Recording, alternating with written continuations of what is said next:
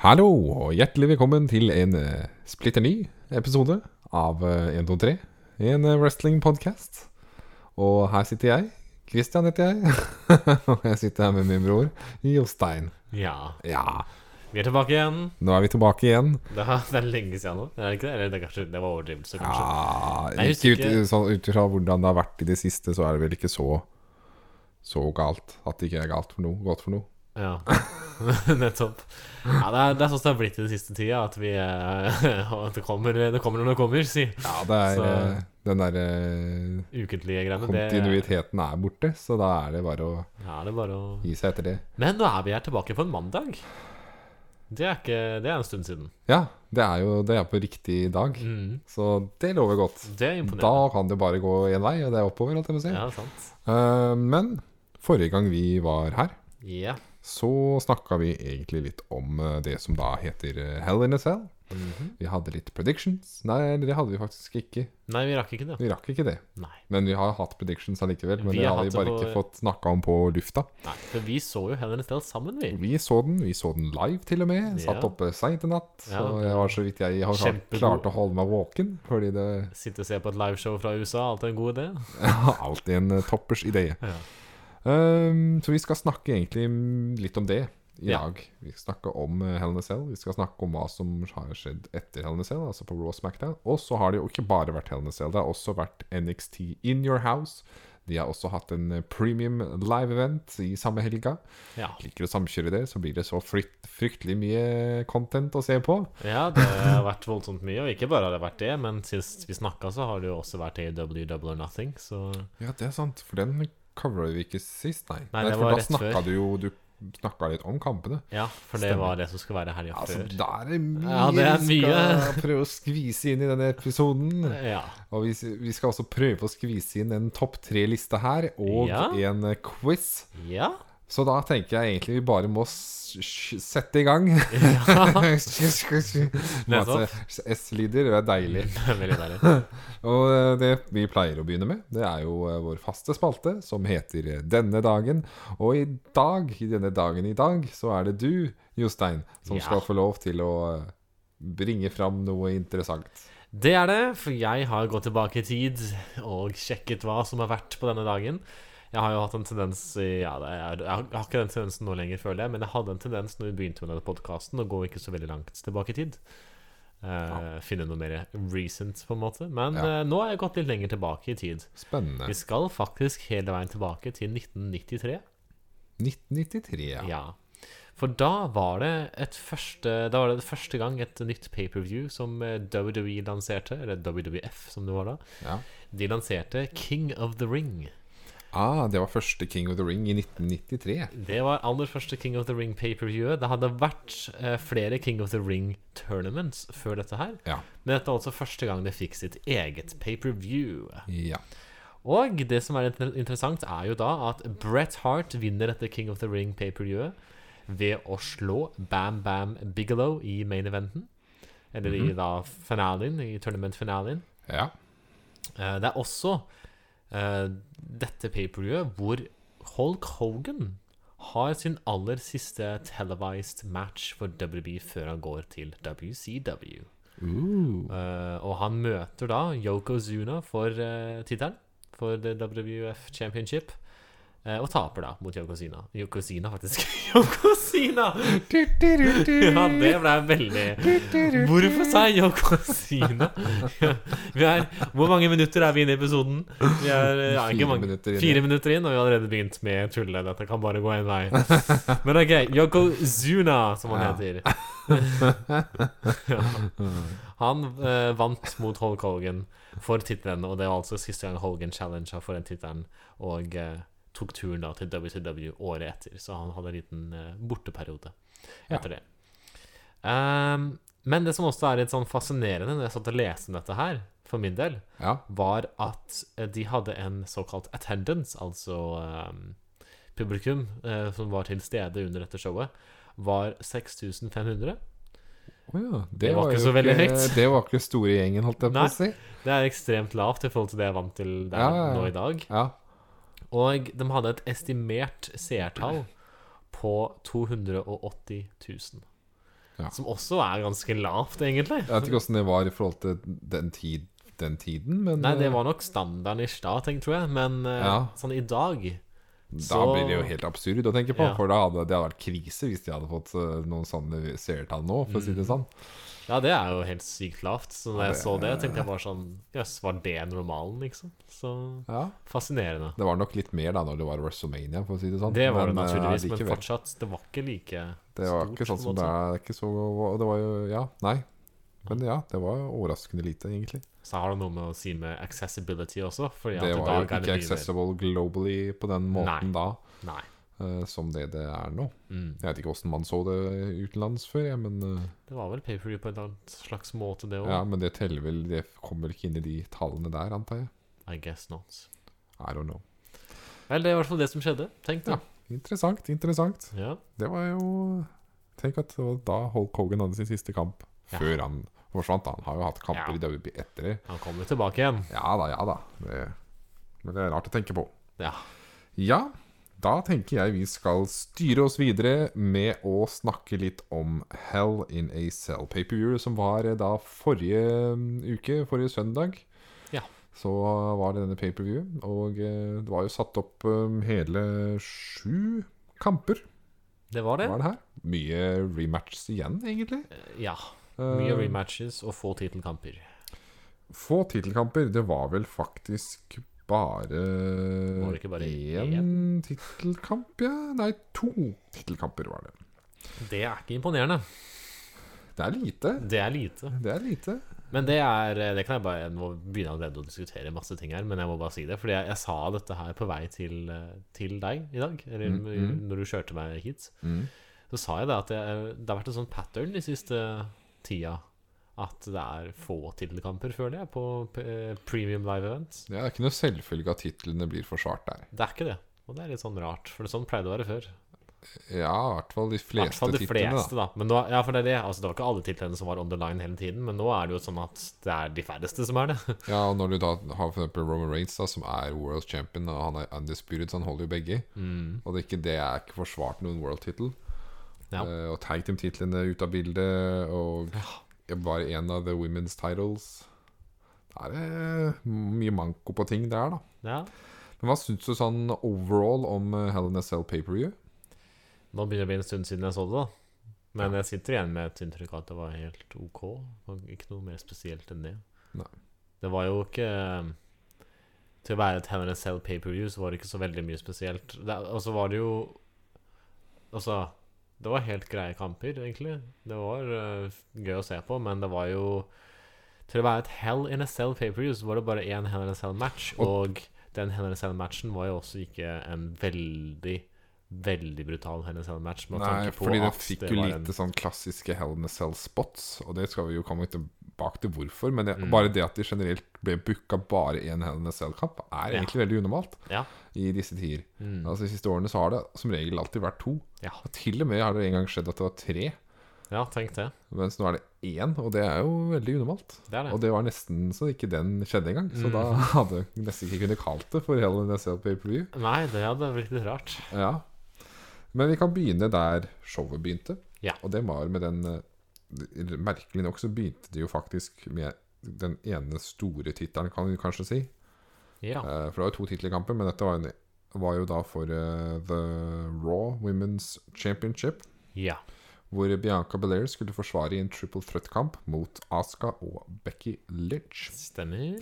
Og der gikk vi begge for en prediction at eh, Bianca Belair skulle beholde den, noe som da også skjedde. Mhm. Følte det var ganske trygt å si. Hun har jo akkurat Ja. blitt champion eh, på WrestleMania, og Hun hadde vært rart hvis hun bare mista den nå igjen med en gang. Ja, og det hadde jo Med tanke på at det skjedde i fjor, at Mm. hun mista tittelen litt sånn altså, Det var SummerSlam, da, men fortsatt hun mista tittelen ganske kjapt mot Becky Lynch. Ja. Eh, så da gir det jo litt mer mening at eh, hun får ha en mer ordentlig rain nå. Og så er det jo slik at det, det var Aska som måtte ta den pinfallen. Eh, De Ja. ville jo ikke få Becky Lynch til å se svak ut, for det var på en måte Naturligvis. Becky Lynch som gjorde det som måtte, trengtes å gjøre her. Men så kom Bianca kasta ut av ringen og tok advantage of the situation. Ja. Og eh, jeg syns det er litt trist at det er Aska som må måtte ta the fall eh, på den måten. eh. ja. Men eh, sånn er det. Det er i hvert fall Bianca Belair fortsetter som champion. Ja. Og ja, mer stort er det vel ikke å si. Det var jo en grei kamp. Det var veldig Hvis jeg ikke husker feil, var det veldig høyt tempo i den kampen. Det var, liksom, Ja, det var veldig på fast-paced fra starten av. Ja. Det var det. Eh, Den neste kampen som fulgte opp den, var jo en slags rematch, kan vi på en måte kalle det. Bortsett fra at det var litt mer in the mix. For det var eh, Bobby Lashley som skulle møte Omas og MVP i en handikap-match. Stemmer. Bobby Lashley har jo møtt eh, Omas både i WrestleMania og WrestleMania Backlash. Yep. Og de har en one, hadde en one-on-one uh, One 1-1, altså. Herregud. Nå er jeg spent Win loss. Hva var det jeg prøvde å si? Ja, de har vunnet én kamp, kamp hver. Ja, det var egentlig bare det jeg prøvde å si. Ja. At de har vunnet én kamp hver. Ja. Eh, nå ble det altså en handikap-match. Uh, og vi begge vi to gikk faktisk for at Bobby Lashley kom til å vinne, på tross av at han var da i en handikap-match. Men de tenkte vel som så at MVP ville være det svake leddet. Ja. Noe han da også endte opp med å bli. Men det var Fordi jo Ja. det er jo det du sier, at eh, på tross av at det var en handikap-match, men da var det heller at jeg valgte Bobby Lashley fordi det var en handikap-match. ja, faktisk. Jeg tenkte det var en dårlig idé at det gikk for en handikap-match. Ja. Da så man jo hva som skulle skje, liksom. At Ja. MVP kunne lett ta et pinfall her. Ja, Det gjorde han ikke, da. Nei, han tok en submission. Han tok en submission. Hurtlock. Hurt lock. Ja. Men det var jo noe som gjorde Lashley kom i den posisjonen at han kunne klare å vinne dette her. ja. Og det var jo outside interference, merkelig nok, fra Cedric Alexander, som kom for å hjelpe Bobby Lashley. ja. Noe som gjorde at Lashley klarte å dra denne seieren i havn. Så det var jo interessant at de brukte Cedric eh, på den måten. Mm. Så Cedric har vel en slags face turn nå. Han er eh, ferdig, mer eller mindre, med å prøve å passe inn eh, med MVP og, og Mas. Han skal ta vare på seg selv. Ja, Så får vi se åssen det går. Det får vi se åssen det går, ja. Det er har ikke dessverre så veldig stor tro på at Cedric har så stor future akkurat nå, men Nei, Jeg føler jeg har prøvd flere ganger etter at han har blitt splitta fra ja. The Hurt Business. Prøvde Mm. først å liksom Ok, Shelton og Cedric skal være et lag, og så Ja. Nei, nå splittes de. og skal gjøre hver sin greie, og så skjedde aldri noe. Ok, nå er vi på lag igjen. eh, ok, Ja, ja. Hva gjør vi nå? Ja, vi slår vi, Kanskje vi skal prøve å være med med Lashley og MVP igjen? Nei, det er ikke noe av det heller. Nei, og det var sånn Ja. Finner liksom ikke helt ut åssen vi skal bruke han, da. Nei. Neste kampen var jo da den ene kampen du og jeg tok, og, eh, tok feil på i vår prediction. Eh, Det var rett og slett eh, Kevin Owens som skulle møte Ezekiel. Ja. Og jeg trodde at det ville gå for en Ezekiel-win, rett og slett fordi at eh, de prøver å bygge han opp som Mm. stjerne. Men han tapte, og ikke bare tapte han mot Owens, men han tapte egentlig ganske clean òg, vil jeg si. Ja, det var jo en clean loss, så Ja. det var interessant å se. Ja. Ville egentlig tro at de skulle pushe Ezekiel. Ja. Men Men det de er, valgte å lure oss. Det er ikke sikkert de er ferdig Nei. med alt dette enda. Nei. Eh, Den neste kampen som var, det var jo da The Judgment Day, som møtte Finn Balor, AJ Styles og Liv Morgan Ja. i en six man tag team match. Ja. To menn på hvert lag og en dame på hvert lag. Ja. Det er ikke så ofte man sier, føler jeg. Nei, det er vel Um, første gang jeg har sett en uh, uh, Hva skal man si Uh, En six, Six man mixed tag team match. six mixed tag team match, liksom. Ja, jeg tror jeg har sett det før, men det er ikke så ofte det skjer. Nei? Nei, jeg kan ikke huske at jeg har sett det engang, men what do I know? Men eh, ja, det var jo en eh, god kamp, og eh, endte jo opp med at Judgment Day vant. Yep. En spear out of nowhere, Mhm. holdt på å si.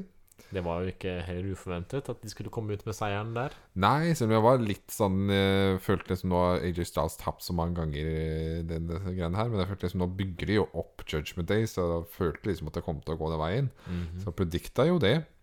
Ehm, så det ble rett og slett Judgment Day som uh, rainer, men vi skal jo snakke mer om Judgment Day seinere i dag.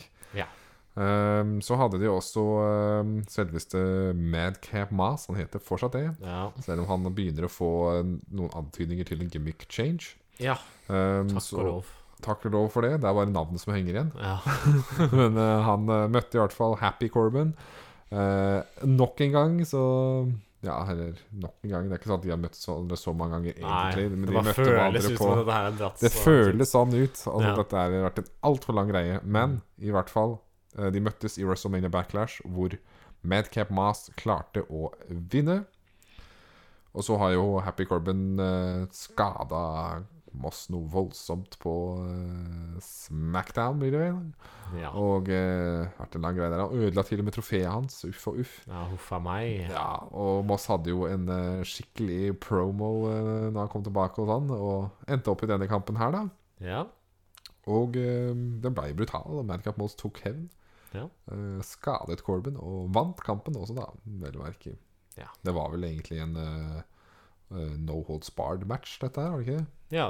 Ja. Det var det kanskje. Ja, det var jo det. Ja.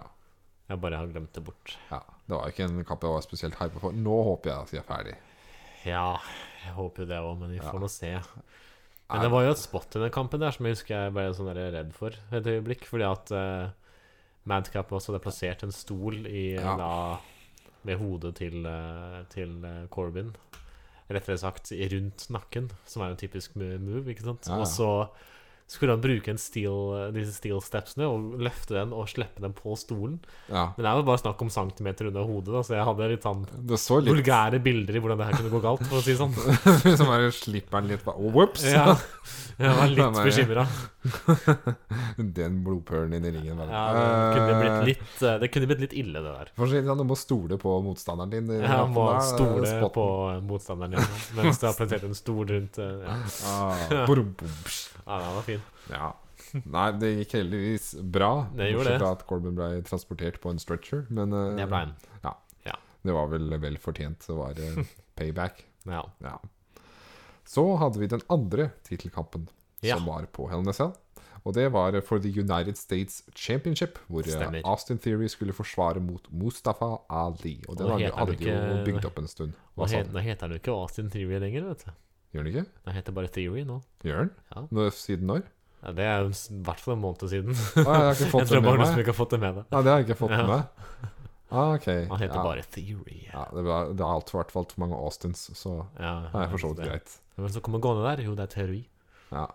Det er, nå skal alle bare, skal bare ha ett navn, da. Ja, det er litt sånn. Det er Theory og Champa det, det, alle, alle sammen, alle to. Gunther.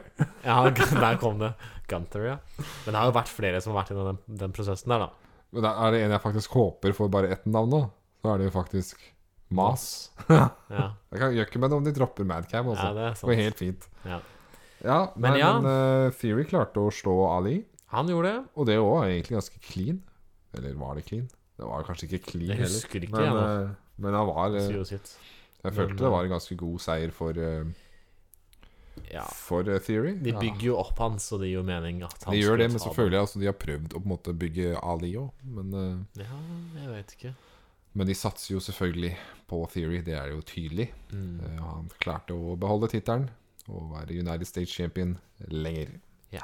Så har vi da main eventen. Den ene Hell in a Cell-kampen, som Ja. var i årets Hell in a Cell pay-per-view. Mhm. Eller Premium Live Event, som det Ja. også heter. og det var jo da um, en kamp som nesten så ut som ikke kom til å skje. Ja. Uh, det er rett og slett fordi Cody Rhodes på, hadde pådratt seg en skade mm -hmm. uh, forut denne kampen. Det var jo egentlig noe som skjedde i løpet av en trening, tror jeg. Ja, Treningssession det han hadde. begynte egentlig påstått at det begynte med at Seth Rollins hadde klart å gjøre det litt skada først. Ja. Og så, når det. trente, så klarte han å rip uh, Altså uh, muskelen i uh, hans høyre Hva heter det?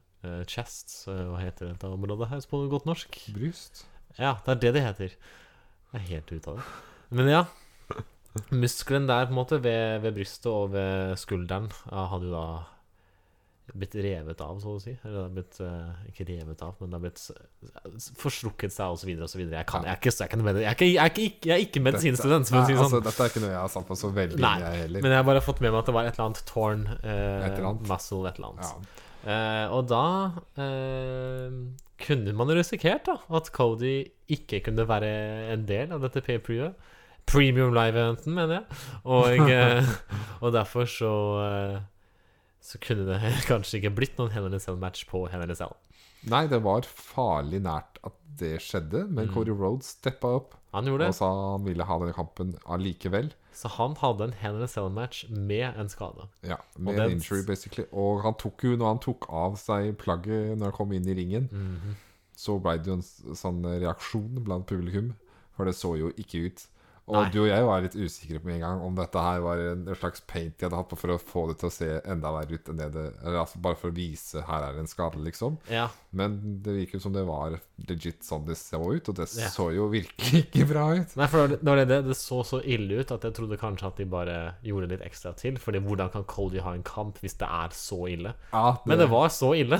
Og han hadde kampen allikevel. Han hadde det. Og som vi sa i stad, så var det jo ikke dette eller sånn, Med tanke på at det var én Hell in a Cell-kamp i år, så hadde den jo Og den hadde såpass lite typ, typisk Hell in a Cell-spots. Fordi at Mm. Hell in a Cell-kamper pleier ofte å være litt over the top Ja. med hva de gjør. Um, og det blei jo ikke den kampen her. Selvfølgelig ble det litt sånn der jeg skal kaste deg inn i ce- cella og sånn, eller veggen og sånn, men Mm. Lite sånn Det var mer som en vanlig kamp inni Hell Ja.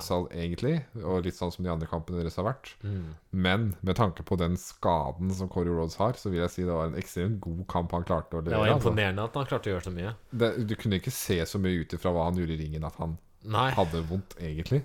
de måtte jo spille mye mer på uh, storytelling denne gangen her, da. Si Ja, sånn. og selvfølgelig så må jo Seth benytte seg av, av den fordelen med at Rhodes er skada, så det blir mye fokus på det i kampen. Ja. Men Rhodes klarte jo å vinne nok en gang. 3-0 mot uh, Seth Rollins. ja. Um, og uh, blei jo veldig rørt på slutten der inne i ringen. Mm. Og eh, ja, du, jeg har jo snakka litt om dette her, men det er jo eh, Nå må, kommer nok Corey Rose til å forsvinne litt Ja, eh, er etter det her. For han, er jo skada, men eh, jeg tror at det kan være godt for Corey Rhodes i lengden. Han Ja. har blitt booka veldig bra siden han kom tilbake til WWE. Det virker som WWE har lyst til å satse på han som en stor stjerne, Mm. eh, ut ifra hvordan han blir booka. Og når han da i tillegg viser eh, det han gjorde her, da, med at han velger å gå inn og ha denne main-eventen i Hell in a Cell, og gir en så god eh, performance på tross av en injury, ja. så er det, vil jeg tenke meg at det er noe upper management i WWE verdsetter ganske høyt som en person de vil satse på som en toppstjerne. Det er det. Og det at han virkelig går inn med en så brutal skade og velger å på en måte bare fortsette. Og spesielt når du når For WWE sin side, som faktisk har satsa på Cody her, og har gitt Altså, det er kun han, Cody og Seth, som har en Hell in Cell-match på Hell in Cell. Ja. Så det står på det, liksom. Ja, Og når Cody da viser at han også skal gjøre alt han kan for at det skal gå i boks, ja, så eh, ja, det setter nok et eh, preg. Så jeg har på mange måter tenkt at for ofte så kan en skade på et så høyt nivå, eh, når du endelig har klart å komme opp i det main events picture, Mm. ofte være et eh, en stort problem. Altså du kan miste det, Du kan liksom. miste så mye momentum og plassen din, og det er ikke, no, det er ikke Et- selvsagt at den plassen er der når du kommer Mm. tilbake. Og et godt eksempel på det er jo Finn Balor, når han Ja. ble første Universal Champion, Ja, men han ble skada i den kampen. ja, Ironisk nok var det også Seth Rollins som var i den kampen der. ja. Um, og um, ja, hadde tittelen for én dag, Mm. og that's it. Og etter det har han aldri klart å komme opp på det nivået igjen. Nei. Uh, så det kan gå den veien. Men med Cody Rhodes, da, så ser jeg at her er det Altså, han, har jo, han viser jo så mye heart og ja. ønske for å være der. Ja, Og på en måte imponerer så høyt da med å være en det der selv med en skade. ja. Så jeg tror dette her bare er en Ja, det her bare kommer til å bety enda mer for Codys framtid, egentlig. Ja, jeg tror, Det er nesten så det kommer til å være fordel for han, tror jeg. Nesten. Mm. Det er gift and a curse, men altså, jeg tror at Mm. eh, når han kommer tilbake, så kommer han altså til å få så ovation, på en måte. Han Ja. har fansen virkelig med seg også, vet du. Ja. Eh, som støtter han, og han har med seg fans fra andre steder. Som også Og så er det jo litt med han, og han, ja, han, og han er jo De har jo planlagt at han nok skal møte, skulle møte Roman Reigns down the line. mm, Og han kommer nok til å få en Jeg kan ikke se for meg noe annet enn at han får en stor spot når han kommer tilbake, egentlig. Mm. Ut ifra hva han uh, har gjort så langt. Så han er ikke hvor lang tid han kan ta før han er tilbake. Men dette her er jo ganske smart timing også, på en sånn merkelig måte. Fordi at uh, nå har Cody hatt store kamper med Seth Rollins. Det må jo slutte. De kan jo ikke bare ha Nei. Cody Seth hele veien. Hva skulle Cody gjort nå etterpå, liksom? Det er jo det man tenker på. Hva var egentlig neste veien? Altså, hvem skal han møte next? Mhm. Fordi at det, han kan jo ikke ta tittelen for Roman Reigns akkurat nå, fordi Nei. Reigns har jo så store greier på gang. Ja. Men det er jo der vi vil ha Cody, sånn egentlig. Det er jo det som er Kan jo se ut som det er det som er tanken. Mhm. Men det er bare ikke rette timingen for det. Nei, så da kan du jo Så på mange måter så holder du litt den momentumet hans i gang òg. Fordi at eh, Mm. det som kunne skjedd nå, at det er mange måneder med Cody som Først så har han kanskje én kamp mot Reigns, taper den, ikke sant. Ja. Eh, og så, OK, Cody sakte, men sikkert går litt ned i midcard-seksjonen. ja. Og det kan drepe momentumet hans, men nå får han jo faktisk mange måneder hvor han ikke er der. ja. Og det kan egentlig bare holde på det momentumet, faktisk, for at han Ja, ja. da kommer tilbake igjen. Så blir det så stort. Ja, Og da kan det være en bedre posisjon for han til å Det kan være bedre timing. Ja. Så det, er, Så det det, kan- er, kan være ganske bra, dette her. Kan faktisk det. Ja. Jeg er veldig spent på det. Men Mm. uh, ja. Det er, så det er jo trist, men det er jo også det var, uh, Han har fått veldig mye praise og respekt for det han gjorde, da, Absolutt. Så det er Og det er veldig fortjent. Uh, ja.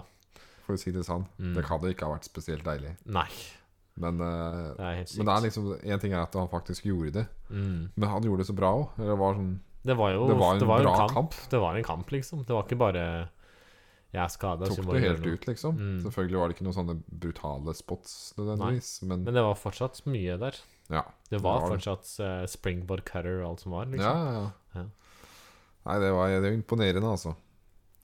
Men det var Hell in the Cell paperview, egentlig. Vi, Ja. har, um, vi hadde en tie der, du og jeg, i forhold til predictions. Vi, Vi hadde det. vi Det tok vel alle de samme predictions den gangen. Vi gjorde jo det.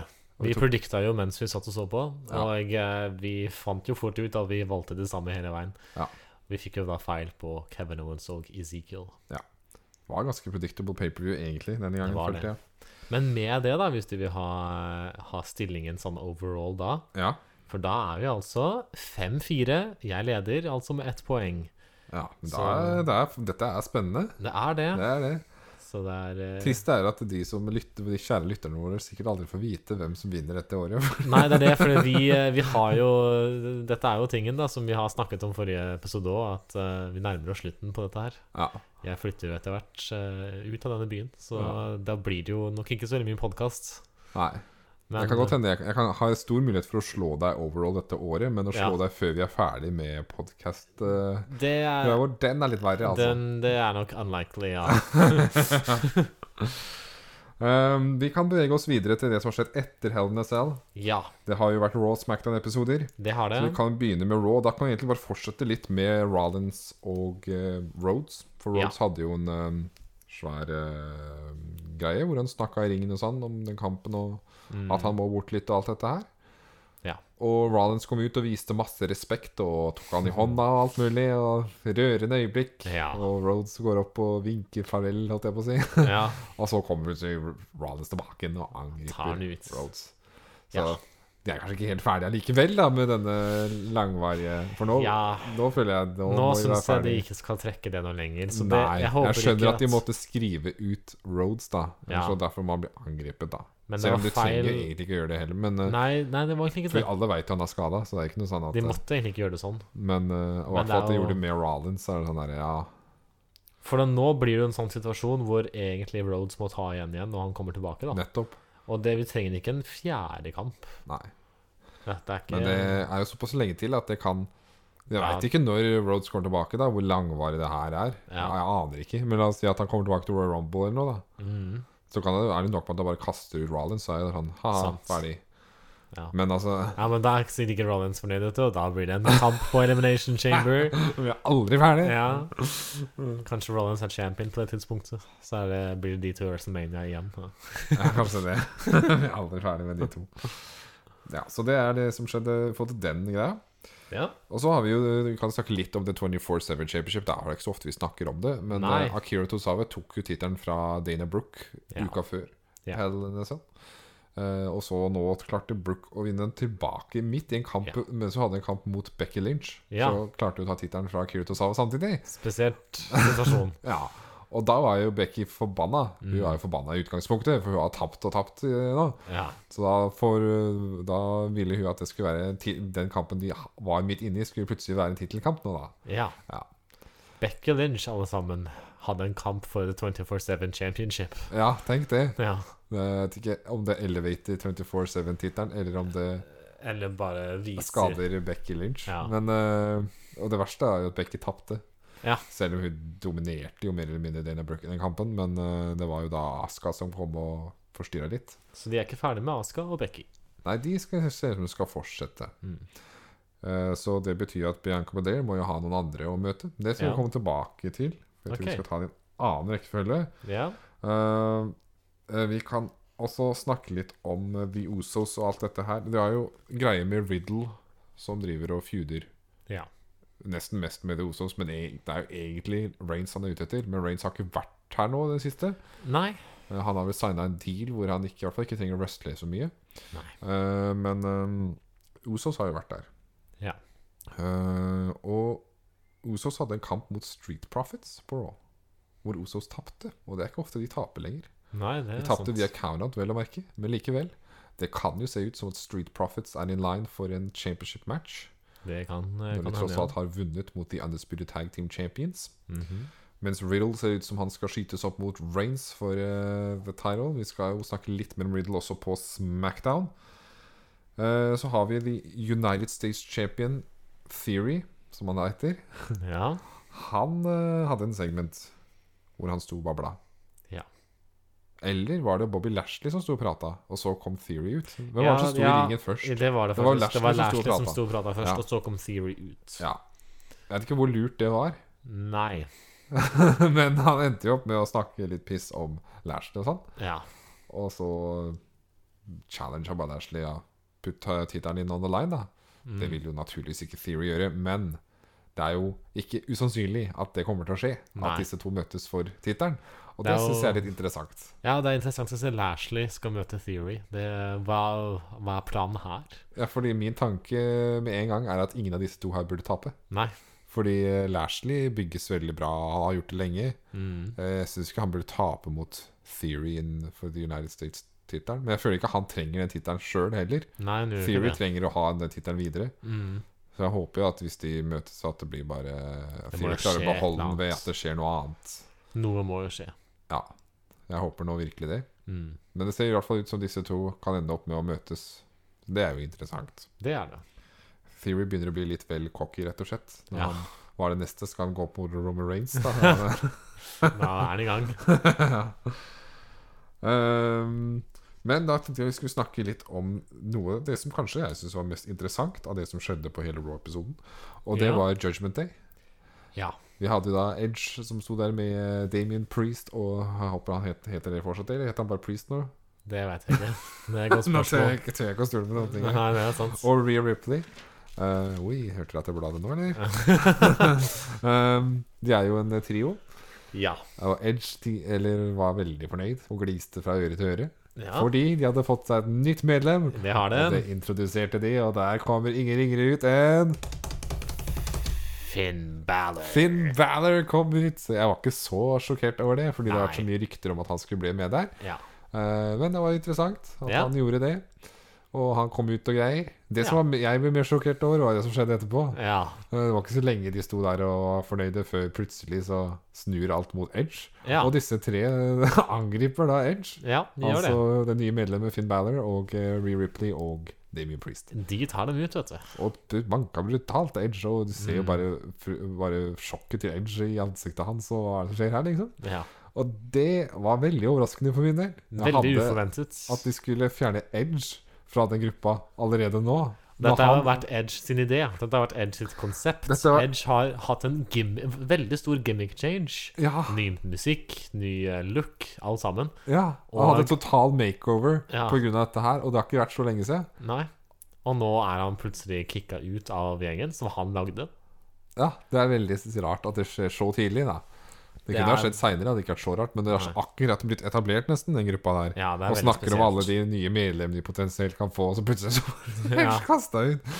Så er lederen i gruppa. Og, og, så hva blir gruppa uten Edge? Det lurer jeg litt på. For Mhm. han har jo vært liksom øh, Mye av identiteten til gruppa, da. Ja. Og hvem blir Edge uten gruppa?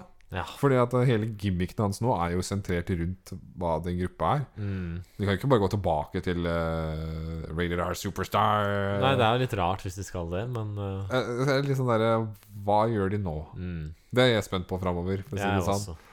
Eh, så jeg digger jo at Finn Balor er med i gruppa, og at de bruker han til noe. Og jeg Ja. tror det kan funke. Men uh, enten så finner de på en eller annen måte at Edge blir med igjen tilbake på et eller annet merkverdig vis. Eller så blir jo, han- må jo han feude mot de. Nei, jeg, Og hva gjør da? Skal han slå seg sammen med AJ, da? Nei, jeg, jeg er litt sånn eh, jeg, nysgjerrig på hvor de tar dette, men det, jeg, jeg likte det likevel, fordi det er, var en sjokkfaktor som jeg ikke opplever så mye Mm. lenger. mm. Uh, men jeg bare håper at de har en god plan framover. Så det er jo litt sånn eh, backstage politics inni dette bildet her òg, har jeg hørt. Okay. Sett litt. eh, det er litt eh, rumors og litt eh, prat i backstage for tiden om at det er en grunn til at dette her skjedde. da Ja? Ehm, Vil du vite hva de tingene er? Ja, gjerne. Fordi at det har vært litt eh, prat på internett uh, ut ifra det de klassiske Dave Meltzer og alltid disse såkalte ja, ja, reporterne. ja. um, og ehm, det er jo kommet fram at mest sannsynligvis så var det pitcha på et tidspunkt om at eh, til Edge, da, om at gruppa skulle gå litt mer supernatural, at de skulle ha litt mer supernatural powers osv. ja. Um, Edge, som hadde laget denne gruppen og hele konseptet, var ikke med på den ideen. Det var ikke den retningen han ville ta det i. Nei. Um, og derfor så har det vært spekulert i, pga. at Edge og eh, Vince McMahon hadde litt uh, uenighet om hvordan gruppa skulle gå, så har Vince bestemt seg for å bare ta denne kreative ideen den retningen han ville. Og det ville ikke Edge, og dermed så var da løsningen at Edge skulle bli sparket ut av gruppa.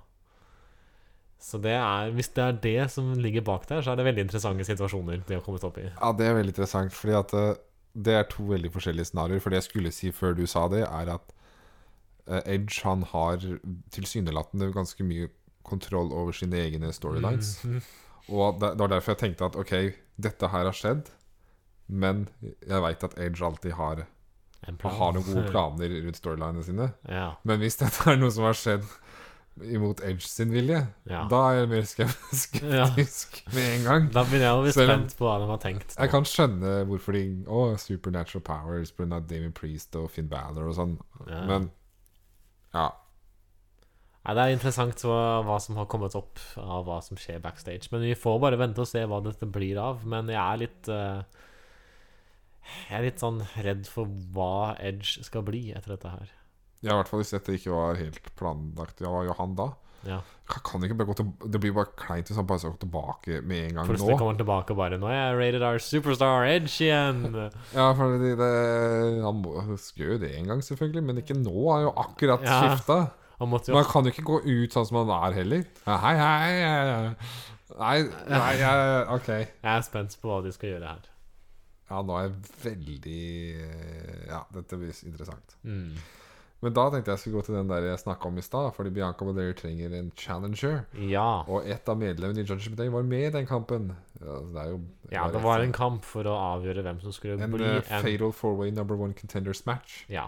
for the Raw Women's Championship. Ja. Og da var det jo da eh, Rhea Ripley, medlemmet i eh, Judgment Day, som kom ut med seier der. Ja, hun Ripley klarte skal, å eh, pinne Hun klarte til og med å utføre sin uh, riptide på Dewdrop. Og skal derfor møte Belair på Money in the Bank. Og det syns jeg også er litt interessant, fordi at Rhea Ripley CF er jo en de vil pushe litt, og hun er i en ganske sterk gruppe nå. Mm. Men jeg ser ikke for meg at Bianca Belair kommer til å miste tittelen helt enda. Så jeg er litt sånn interessert i at de allerede dro ut den allerede nå. Men uh, vi får se. Vi får se. Det kan jo Ja. hende at pga. dette kaoset med gruppa nå, at det blir et eller annet distractions i den kampen. Hva vet vi? Så Hva vet vi? det er i hvert fall mye rart som skjer med Judgment Day for tiden. Det er det. Det er, det er noe av det mest interessante som har skjedd denne uka, syns jeg. Ja, absolutt.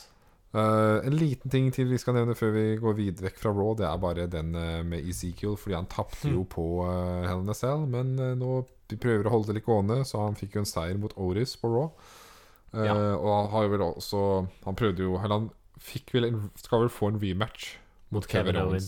Owens. uh, for, Etter å ha og, og kravet til Kevin Owens Ja. på at han skulle gi en rematch, det var at uh, Ezekiel måtte uh, Hva er admit på norsk? Kommer ikke på det norske ordet. Men uh, uansett innrømme innrømme. Ja, det er så klart. at han er innrømme at han er Elias. ja, Og etter at Ezekiel hadde tenkt seg litt om, så tenkte han at det kan jeg gjøre.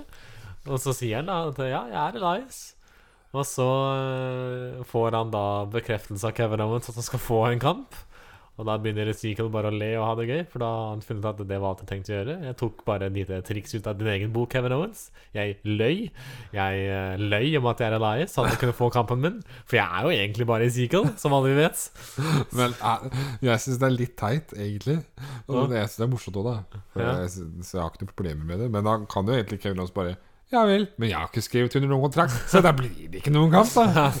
Kan du Ja. bare ta det tilbake, av han òg? Ja, ja. Hvis du kan gjøre det? Jeg løy, jeg òg. Ja, jeg løy, jeg. så jeg. Ja. Det var fortsatt ganske underholdende, syns jeg. Det var det jo. Ja. Eh, I hvert fall fordi Kevin blir så sabla frustrert over hele dette opplegget her. ja. Eh, Men eh, ja, så det blir vel rematch, og da må jo Ezekiel vinne, vel. Må jo det. Ja. Eller, Men det er jo én ting til ikke du nevnte på Raw som vi må nevne, da. Ja, da? Det er return. Hvem da, tenker du på? Det kom jo to nye, eller to nye, to stykker som har vært eh, borte en liten stund. Et tag team. Ja, hvem da? Dirty Dogs. Ja, ja, ja, det der, ja. Ja. Ja, ja. Som det var jo etter en kamp mellom Dominic si at- og eh, Mahan. ja. Det var veldig random timing for øvrig når de kom inn, men Ja. eh, Det var jo litt av poeng ja. også, for så vidt. Men hva er greia Ja, for de kom tilbake. De har ikke, jeg har ikke sett dem siden NXT, de var i NXT, og Dolph Ziggler var champion der. Ja. Um, så det er greit at de kommer tilbake, egentlig. Mm. Fortsatt et tag team. ja. Uh, og så er jeg spent på Hva planen Skal de gå for en face turn eller noe? Det virka jeg fikk en sånn. sånn liten feeling av det. Det virka sånn.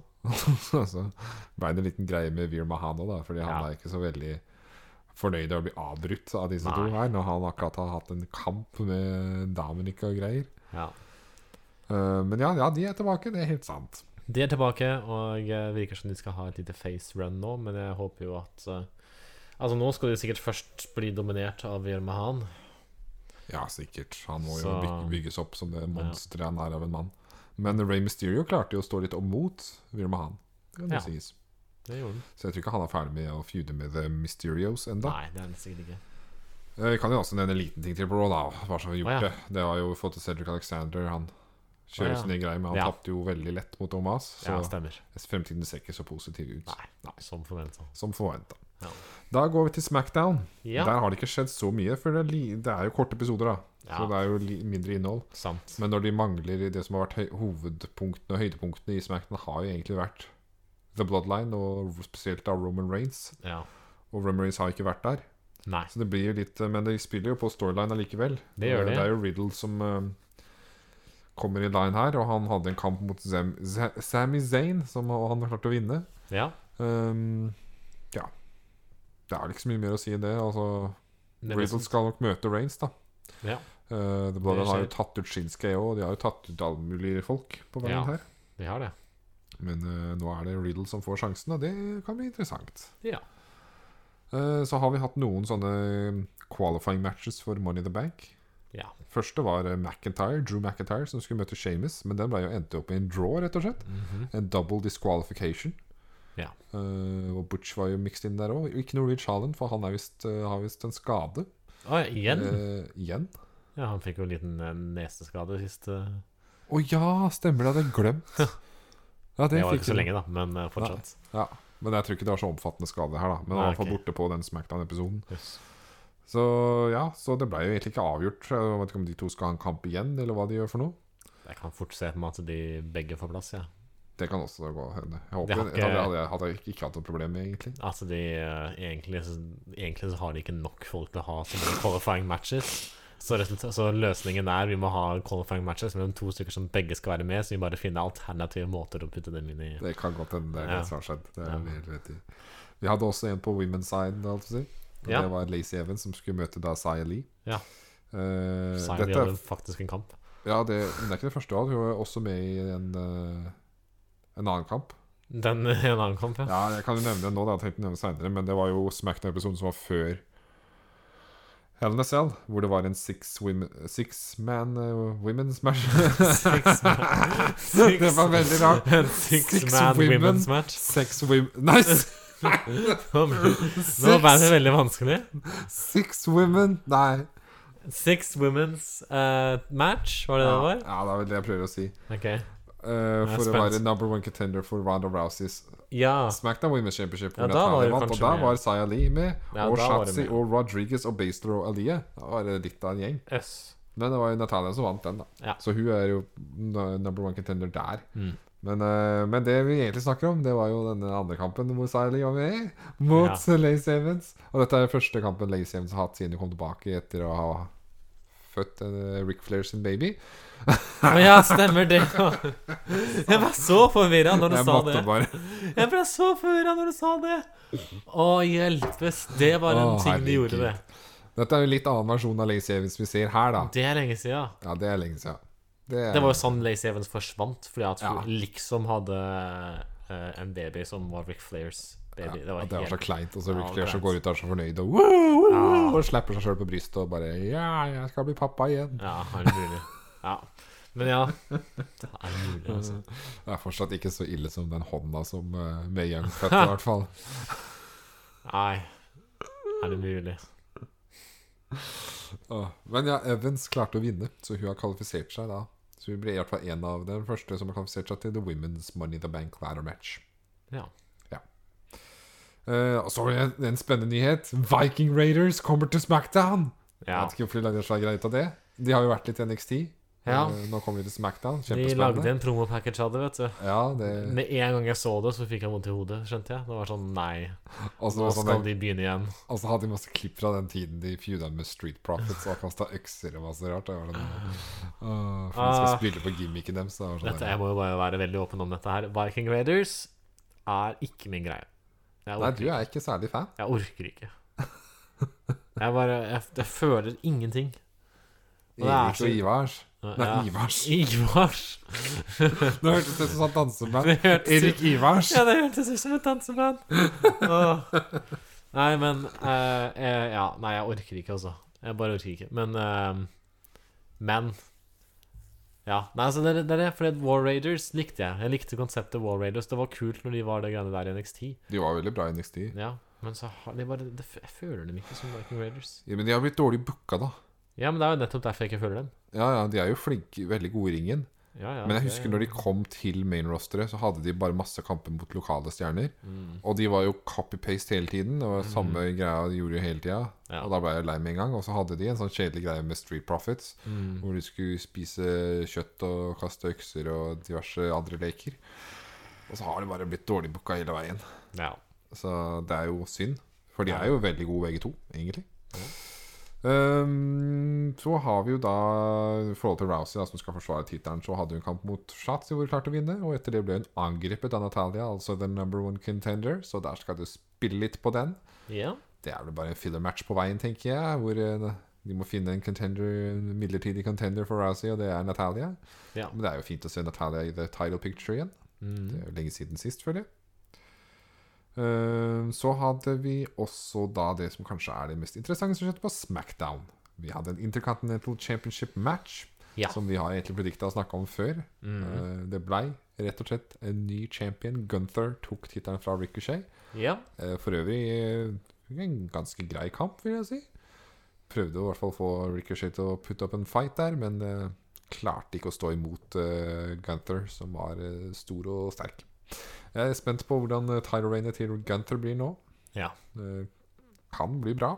Det De skal i hvert fall prøve å gi han et mer push, tenker jeg, enn det Ricochet hadde som champion. Så det Ja, blir vel Ricochet var eh, Ja, fikk Ricochet hadde helt grei da. Han hadde jo mye en del title defenses, faktisk, men han fikk jo aldri noe sånn særlig pay-per-view-match. Det er jo tydelig at ikke de er så investert, da. Mm. Ja. Men uh, håper at de kan gjøre noe bra med Gunther. Ehm, det er vel hovedsakelig det som har skjedd på Raw Smackdown, så da tror jeg vi bare skal bevege oss litt i NXT. Så Ja. snakke kort om NXT In Your House, som da også var en premium live-event som var på lørdagen, tror jeg det var. Stemmer. Uh, vi vil snakke litt om Toxic Attraction. De er jo, de. De holder fortsatt på. De er jo nesten som The Bloodline i NXT, føler jeg. De er så dominerende. Ja. Og de, de alle tre klarte å holde tittelen denne gangen òg. Toxic Attraction holder tag team titles, og uh, Mandy Rose klarte å forsvare NXT Women's-tittelen mot Wendy Chu. Ja. Chu. Eh, så det, det er imponerende gruppe. Jeg liker det veldig godt, egentlig. ja. Eh, så hadde vi D'Angelo og to av kamerater han holdt det på å si, som jeg ikke husker hva het for noe, som møtte Legado del Fantasma. Her er altså to ulike factions, eh, crews på en måte, som skulle møtes. Og den, det som var interessant i stipulation, var at de som tapte, måtte bli med i det andre sin gruppe. Åh, Og da tapte jo Legado del Fantasma, Oi. så nå er jo på en måte D'Angelo lederen for dem òg, på en måte. Eh, interessant Så de får det jo sikkert ikke så bra framover.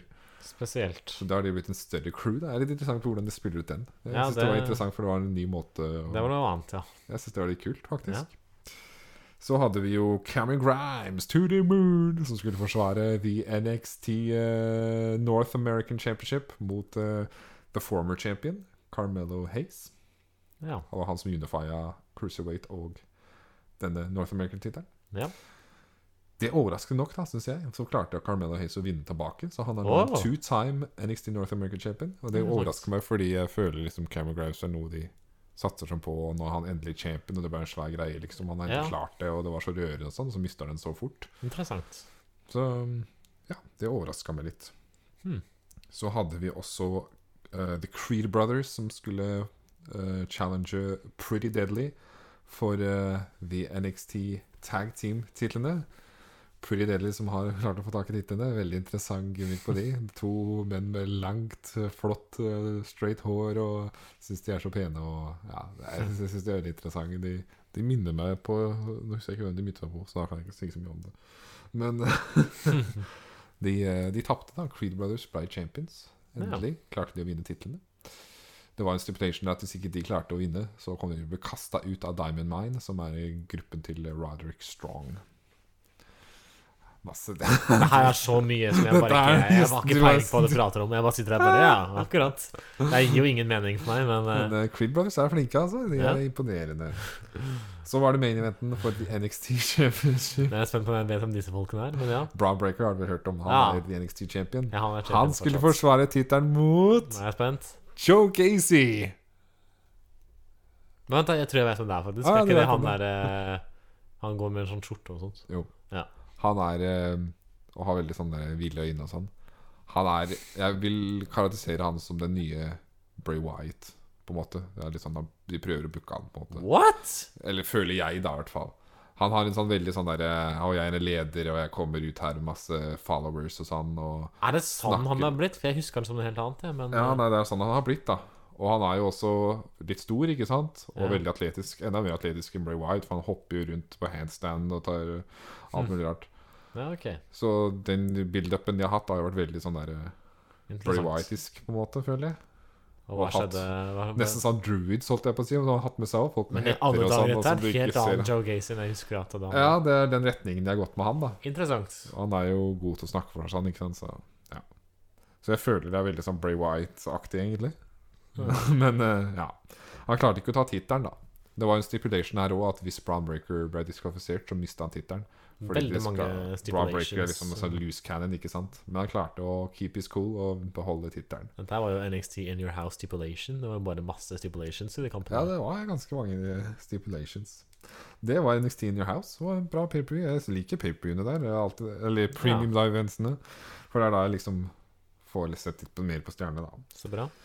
Og eh, så kan jeg si noe om NXT som var denne uka.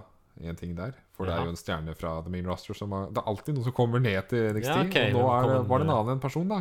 Som skulle hjelpe Solo Sikoa. Eller var en kamp da med Eller han blir nok heller eh, kanskje booka mot uh, Han kommer først for å Brown Breaker Brown Breaker vil ha en ny challenger, og da kommer Ja. personen ut.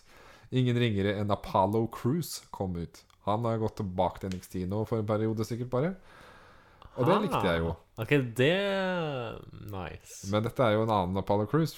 Den mer gamle Apollo Cruise, for det har ikke noe Commander Aziz. Nei! Uh, og Dette er han, ikke han hadde en liten antydning til uh, litt sånn uh, Ja, Hva heter det? Aksent.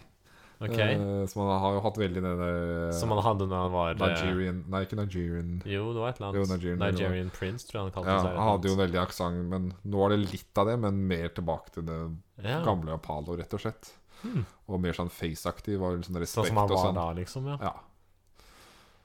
NXT Apollo Cruise er tilbake. Interessant. Ja, det, var ikke det jeg forventa. Nei. Han endte opp, også opp med han Kamp på NXT, hvor han teama opp med Solo Sikoa, altså broren til The Usos, Ja. mot uh, Grayson Waller og Carmelo Hayes. Hmm. Og der vant jo Apollo Cruise og Solo Sikoa også. Damn. Så det ser ut som det kan bli Apollo Cruise mot Brown Breaker i framtiden. Ja. Interessant. Det var vel egentlig det som har skjedd på NXT det vi pratet om. Ja. Er det, det, da har vel sikkert du AEW også, tida tikker og går. Men vi, Ja, tida tikker det går. Jeg skal ikke si for mye da om AEW, men jeg kan Det var jo AEW Double or Nothing som Ja. var deres store uh, pay-per-view, for det fortsatt, fortsatt er pay-per-views der. Um, det var jo et uh, ganske nice pay-per-view å se på, egentlig. De hadde noen gode kamper der. De hadde jo Kanskje de mest viktigste var jo åpningskampen, faktisk, som var MJF mot eh, Wardlow som jeg har snakket en del, en del om tidligere, hele storylinen der. Jeg syns jo MJF gjør det utrolig bra. Um, resultatet er jo da at Wardlow vant den kampen. Det ble en uh, Powerbomb Symphony-kamp. Masse powerbombs der. ja. Og uh, Wardlow dermed er ikke lenger under kontrakt med MJF, men er nå fått kontrakt med AEW. Ja. Så um, endte den storylinen der, og de beveger seg nå videre med Warlow som uh, tilsynelatende skal uh, prøve seg på The TNT Championship. Um, Er det den som Samoa Joe holder? Nei. eh, nei, det er den eh, som eh, blir holdt av Scorpio Sky. Okay. Det er en del titler der. Det er ikke helt å holde over. Det Samoa Joe holder Han har vel tittelen i Ring ROH. Ja. Honor-tittel, men jeg vet ikke hva han heter for noe. Eh, TV, ROH. TV Ja. Championship, tror. Ja, noe sånt. Ja. ROH-titlene har jeg ikke kontroll på, men, uh, men ja. Uh, snakker om titler, fordi Wardlow går redd av tilsynelatende etter TNT-tittelen. Men når vi snakker om titler, uh, siden du var inne på det, eh, så ble det nå på sist AW Dynamite-episode introdusert en ny tittel i AEW. ja. Ja. Og dette er da det kalles da for AEW All Atlantic Championship. Ja vel. Ja, Som da skal bli en ny tittel der. Det trengs jo kanskje, faktisk, fordi de begynner å ha ganske mange stjerner da, så de burde ha noen titler. Så de kan... har de ikke ganske mange, da? Eller er det De har kanskje ikke så mange sånn Nei, for de mid-card-titler? de har AEW World Championship, som er Ja. world-tittelen deres. De har AEW Tag Team Championships. De har, eh, som midcard championship, så har de TNT Championship. Det er en midcard-tittel, ja. Ja. Okay. Så på women's-siden så har de jo da også da eh, AEW Women's World Championship. Eh, de har også uh, Women's um, Jeg husker plutselig ikke hva den heter. TBS Championship. Så det er egentlig det som er AEW-titlene. Ja. Men så har de også da, pga. at de har avtaler med masse forskjellige andre selskaper, så, og spesielt Ring of Honor, siden det eies av samme person som eier AEW, -hmm. så hender det at de titlene kommer litt inn. Så Ja. tag-titlene osv. fra ROH. Men, ehm, men det er egentlig bare de som er deres titler. Men det ser ut som at det er mange som har titler, fordi at det er én som bærer en tittel til i AEW. Som ikke er egentlig en offisiell tittel, eh, som er FTR Championship. Som er, Ja, det er den fra ECW som Taz t- t- Tas? Tas? Ja, Tas som Tas. Ja. For den driver Ricky Starks eh, og bærer på. Men eh, det er ikke, det er ikke en tittel. Men så er det jo også det at Ring of Honor da, og TNA og alt annet kommer inn i bildet òg. Og de kommer inn der, så for meg som ikke følger med så mye og ikke har et oversikt, så blir det sånn der, det er følelsen som mange champions. Pluss at nå bærer jo faktisk Adam Cole og Britt Baker også en tittel som ikke er en faktisk ordentlig. Jeg tror ikke det er en tittel de skal forsvare før i så fall neste år. Okay. Men de bærer eh, For de vant jo et tournament, for det er det jeg skulle også komme fram til. For det var jo tournament som også var på Double or Nothing. Ja. Hvor Adam Cole og Britt Baker vant uh, hvert sitt tournament. Ja. Da Owen Hart-tournamentet. Mm. Og så fikk de titler. og de fikk også titler av det. På grunn av det. Så de fikk sånne fancy rosa Owen Hart-titler. Ja, akkurat. Så de bærer også championships for tida. ja, da blir det mye. Ja. Og så er det da etter hvert en All Atlantic-tittel inni her også, da, Ja. som blir spennende å se hvem som skal få tak i den. Ja. Um, men det var ikke så mange title changes ellers, egentlig, på AW uh, Double or Nothing. Men det var Det var en stor en, da. Det var en stor en, og det var at uh, Hangman Adam Page uh, mistet sin tittel til CM Punk. Så nå ble da CM Punk vår AEW World Champion. Ikke noe uforventa der. Regner med at det kom. Um, det som derimot er interessant, er at CM Punk har blitt skadet på en veldig dårlig timing. Og Ja. derfor kan ikke han wrestle for tiden. Nei, det var jo en tårevåt opplevelse fra Punk sin side Det var jo det. på IDW-episoden der, og han måtte Ja. rett og slett gi fra seg tittelen. Og det var jo akkurat vunnet tittelen nå, da. Ja. Skulle være Summer of Punk. Så det som skjer nå, er at CM Punk er fortsatt vår AEW World Champion, men vi skal kåre en såkalt internim eh, AEW World Champion. Mm. Så det som skjer, er at eh, Punk i prakt på det praktiske plan ikke er en fungerende champion. Nei. Vi skal ha en annen som er en fungerende champion. Ja. Men Punks eh, dager som champion blir fortsatt betelt. Så det blir litt som om når WWE hadde en eh, Spesielt i koronaperioden, hvor vi hadde to som var eh, eh, Gunther Nei, eh, Nei, det var eh, han eh, det, Jeg tenkte på Uff. eh, han irske uh, som var champion samtidig som uh, Fantasma Eller han gruppa jo han ene fyren fra Fantasma, Escobar. Santos Escobar. Ja, var jo Fordi Santos Escobar var cruiserweight champion, Ja. samtidig som en annen var det. Um, oh, ja. jeg husker ikke hva navnet på han er, men han er jo, uh, han er jo irsk. Uh, Devlin. Jordan Devlin. Ja, det stemmer. De hadde Fordi greie. de var begge cruiserweight champions. Fordi Jordan Devlin kunne ikke. Ja, for Jordan Devlin kunne ikke reise til USA og sånt pga. Korona. Så de, men de hadde jo en unification match til slutt, hadde de ikke det? De må jo ha hatt et eller annet. Ja, Jeg husker ikke det, hva som skjedde der. nei De hadde nok det, ja. Men begge var jo champion, og det er det som kommer til å skje nå. Vi kommer til å ha to AW World Champions. Hvor Punk er borte, og så er det en som tar den. Men det som er spennende, da, er at det skal ende opp i en unification på et eller annet tidspunkt. Ja. Så jeg, jeg er veldig spent på å se hvem som skal ta tittelen nå. Ja. Fordi Punk var åpenbar. Men jeg klarer ikke til å se hvem andre som skal Nei, og så er det noen andre Det er jo ikke bare han som har blitt skadet nå. Daniel eller Brian Danielsen har jo også blitt skada. Ja, Som kunne vært en potensielt stor stjerne som kunne fått en sånn spot. sant. Uh, Men det er jo eh, også vært et return i AW. Ja, Et stort det er jo stadig det. Det er Stadig det. Det er jo alltid noen store stjerner som kommer dit. Ja, men dette er et return. Et, uh, en som har ja, ja, ja, vært skadet, og Ja. som er en AW-stjerne. Ja. Uh, Miro, tidligere kjent som Rusev i Mm. WWE, eh, har kommet tilbake etter en lengre skade, så jeg er spent på å se hva han skal gjøre. Kanskje han kan vinne? Han kan jo gjøre det. Han er jo veldig populær. Han er veldig populær. Perfect timing. Og um, egentlig så trodde jeg han Altså, han har jo vært mye TNT Championship-bilde, men det er jo litt fullt der nå, da. Så de kan jo satse på Muro for uh, the AW World Jeg hadde Championship. likt om han kom For han kom jo aldri dit i WWE. Nei. Så har han ikke vært der ennå heller i AW, som, som jeg kjenner. Mm. Han hadde fortjent Han har, alltid, vært en fyr som som jeg kan se for meg som world champion. Han har, liksom, han har aldri kommet seg helt opp dit. Mm. Han har absolutt muligheten til å komme dit nå. Ja, det hadde ikke vært et dårlig valg, føler jeg. Men det er veldig mye spennende nå i AW. Uh, mye, mye holdt på å si nye stjerner. Det er veldig mange folk nå. Uh, fordi Ja. at uh, nå kommer det neste paperview som heter Forbidden Door. Ja. Hvor AW og NGPW skal samarbeide. Ja. Og det betyr at det er veldig mye crossovers og AW-stjerner på NGPW-episoder for tiden. Og ja. NGPW-stjerner i AW. Så vi har hatt veldig mange fram og tilbake-folk nå. Mm. Men det er det, som, det er det som skjer i AW for tiden. Ja. Ja. Spennende, spennende, spennende. ja. Da skal vi bevege oss eh, Du har ikke noen nyheter, har du det? Noen interessante nyheter? Nei, det har jeg ikke. Da tenker jeg vi skal bevege oss til uh, vår topp tre-liste for Ja. i dag. Det er jeg som har valgt tema, og Det temaet for i dag er rett og slett så enkelt som topp tre kamper.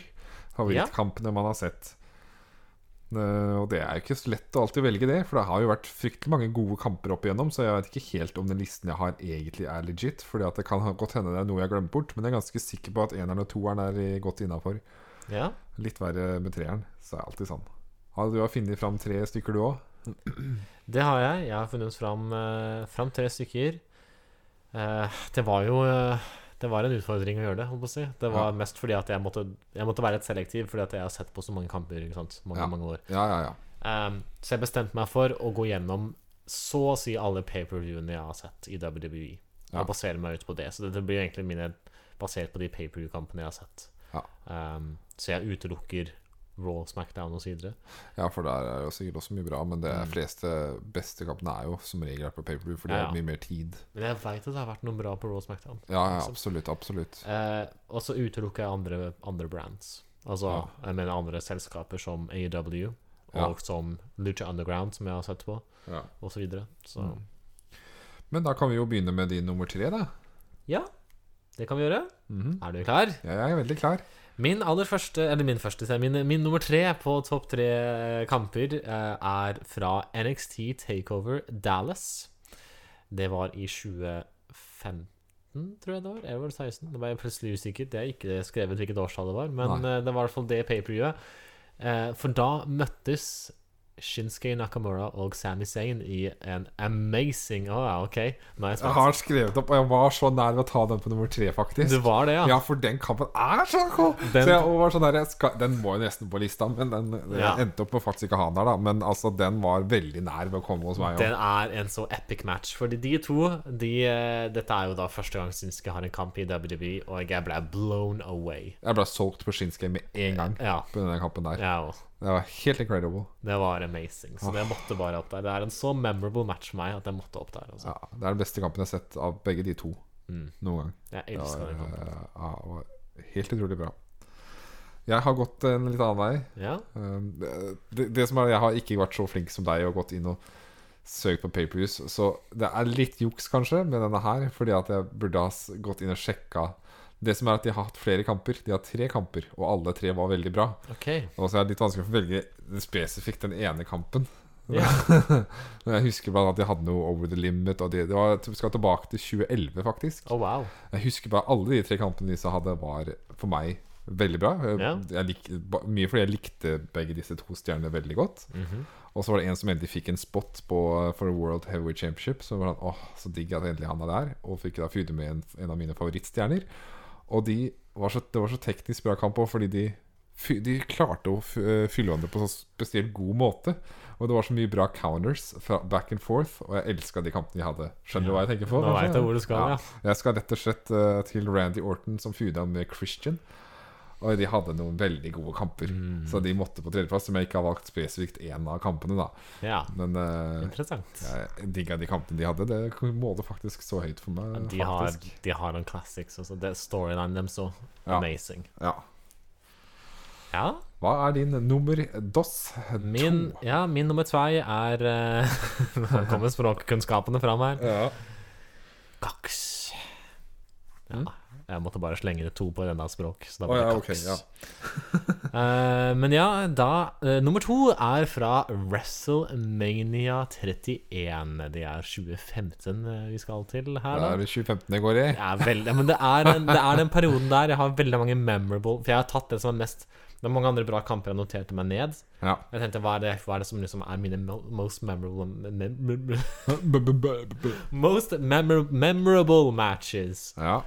Og da ble det altså klassikeren Randy Orton mot Seth Rollins. Ja. Hvor vi får den store finishen med en uh, super RKO. Uh, ja. Jeg tenkte at du kanskje ville ta den. Jeg var innom tanke på men jeg husker ikke så mye av kampen ellers. Det er jo mest avslutninga jeg husker mye av. Jeg husker kampen veldig godt generelt. Ja. jeg- Det var en god kamp. Ja.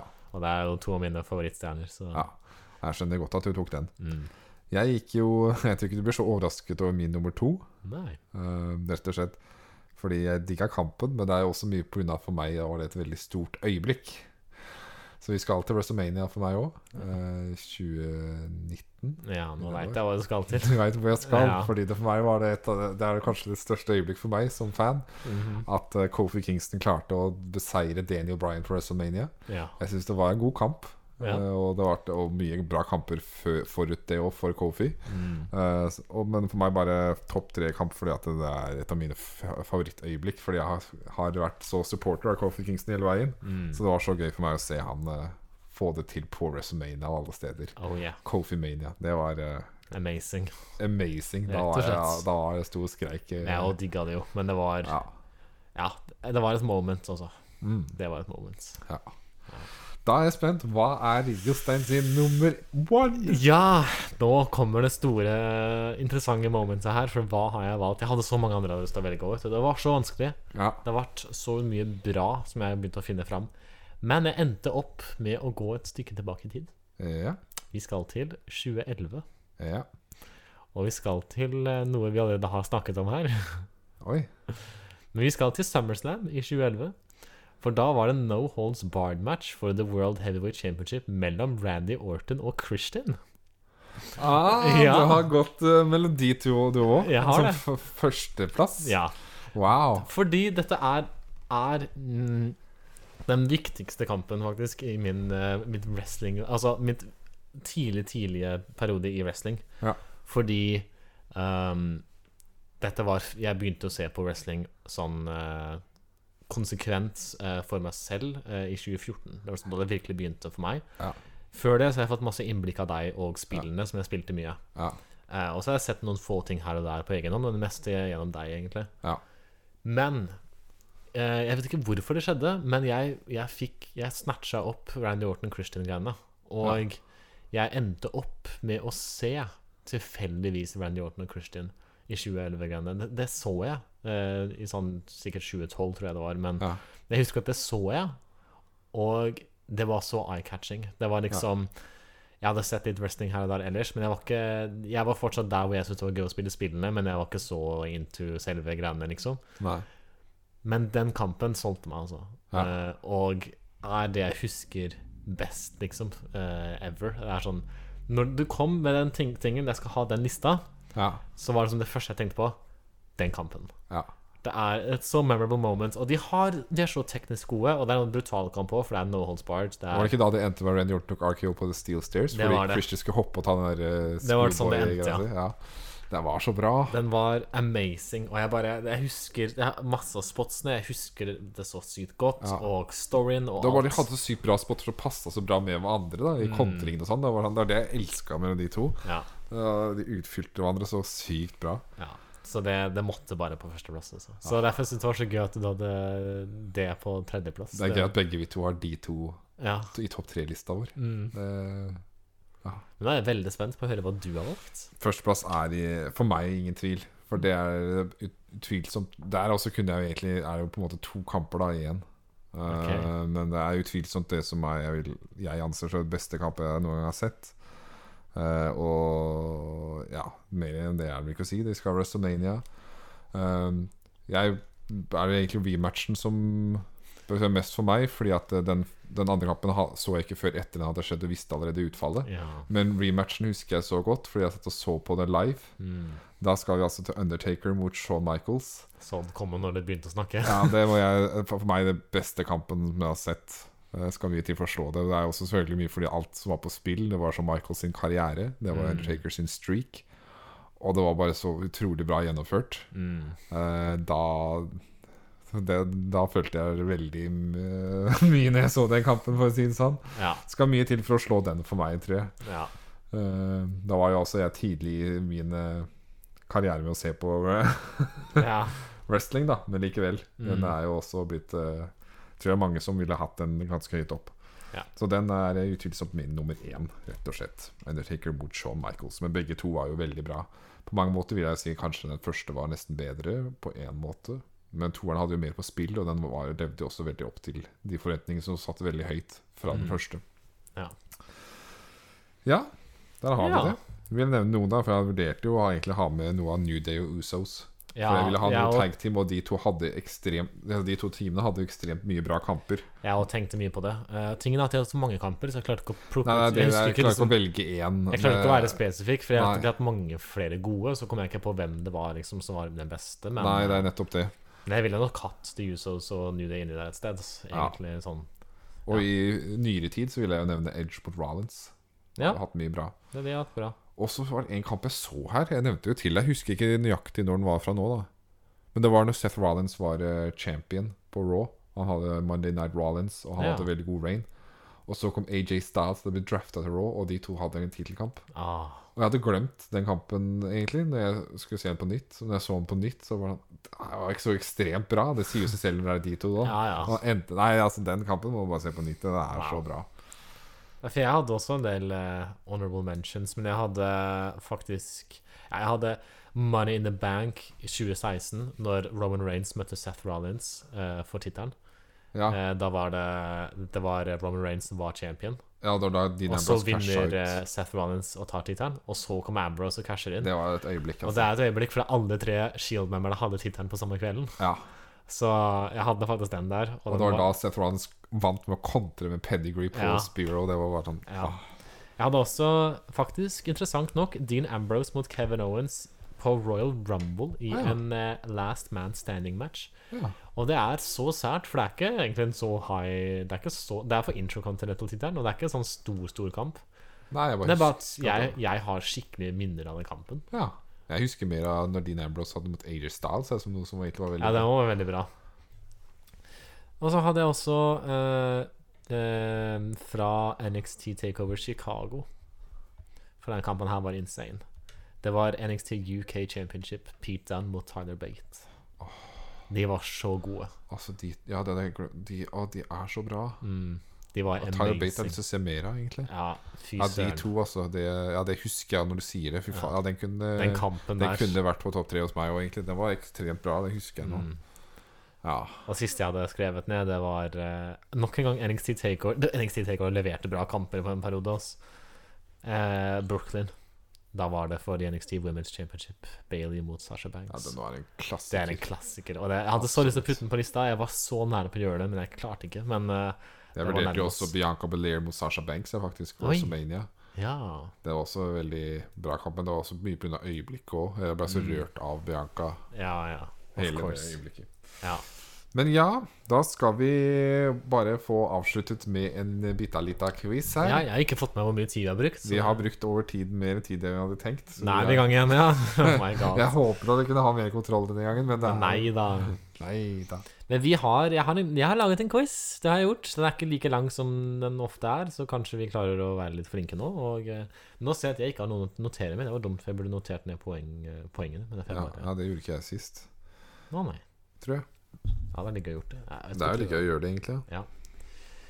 Jeg har eh, laget en quiz, da, vet du. jeg har det, ja, ja, og, ja, ja. og kanskje, kanskje den kommer litt å si tidlig i forhold til eh, hva det det temaet er. Men det er jo da så klart en Money in the Bank-quiz, da, for det Ah. er jo der vi er på vei nå. Ok, Vi skal jo til eh, Money in the Bank Premium Live Event. Ja. Så Christian, nå skal vi eh, teste ut dine kunnskaper rundt Money in the Bank. Uff, nå kjenner jeg Nå kjenner jeg sommerfugler i magen-opplevelsen igjen. Jeg blir like nervøs hver gang. Ja, Det er veldig rart. Det er ikke så big deal. Men Nei. det var jo litt kli, kli, krise. Det var, det var litt krise sist ja, du skulle spørre meg. For da, det var så flaut at jeg ikke huska at jeg tok feil på Andre the Giant og Hulk Hogan i WrestleMania 3. ja det stemmer. Det var egentlig litt krise. Er det en kamp du burde vite nummeret på WrestleMania, så er det det var det. mer, jeg synes det var mer morsomt når jeg spurte om hvilke trioer har det vært på Mania. Ja, så glemte jeg Brock og Lesnar Så Reigns. var mulig. Men ok, vi begynner rett og slett ganske enkelt, da. Ja. kan man jo si. Jeg greier ikke, det ikke, jeg tror det er så enkelt, men eh, Money in the, Bank har jo eh, vart en, en stund, eh, for å si det sånn. Den aller første Money in the Bank-kampen har vi snakka om tidligere i en annen quiz. Det var Ja. jo 2005. Ja. Men når var det vi fikk vår aller første Money in the Bank pay-per-view? Ok. Ja, Det er jo i min levetid, holdt jeg på å si. Det håper jeg det er, ja. Det er jo det. Nei, men altså, det er jo mens jeg har sett på wrestling. Um, for jeg husker Jeg mener den siste som var liksom WrestleMania, Money in the Bank, var vel i da Jack Swagger vant den. Tror jeg. Og det, hvis jeg ikke husker feil, mener jeg var i 2010. Så da lurer jeg på om første paperview var i 2011. 2011? Ja. Det er feil. Fader, dullan, dullan der, Det var et år feil. Tror det var 2010. Å ja, så da vant Jack Swagger i 2009, da. Ja. Jeg var litt usikker om det var 29 eller 2010 jeg vant. Ja, det var 29, ja. Søren òg. Ja, ja. Ja, så det var, det var rett og slett i 2010 at vi fikk vårt første Money in the Bank pay-per-view. ja. Ja. Og så eh, videre da til litt mer recent, for å se hvor mye du husker fra mer eh, ganske nylige ting. Hvem var det som vant Money in the Bank sist? Og da skal jeg både ha women's og men's. Jeg sist? Ja. Ja, det fulgte ikke vanskelig. Nå fikk jeg sånn jernteppe med en gang her. Ok, vi, vi kan begynne med kvinnene, da. ja. Eh, for det var jo Money in the Bank i fjor.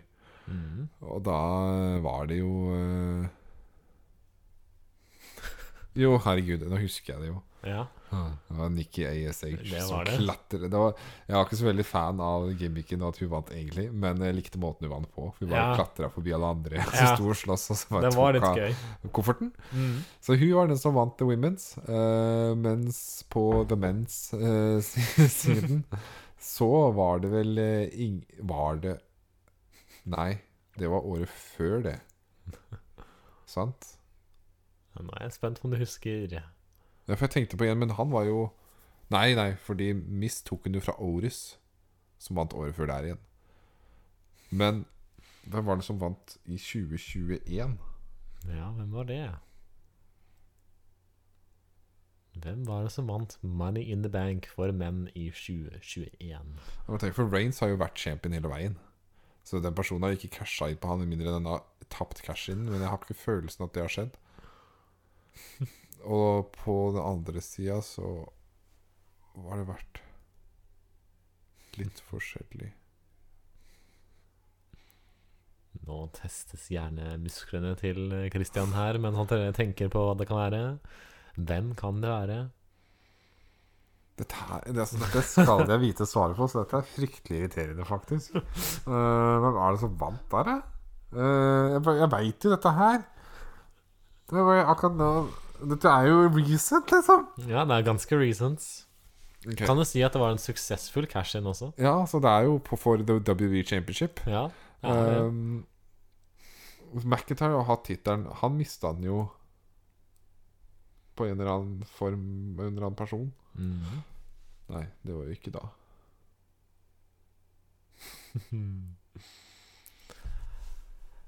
Nei, tiden tikker.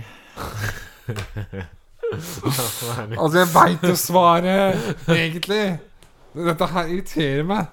Dette her er jo ikke vanskelig. Det er jo bare den siste gangen noen vant en Money Bank. Ja, for skal, jeg trodde heller du skulle slite med å finne Nikki ASH, men du kom på det, da.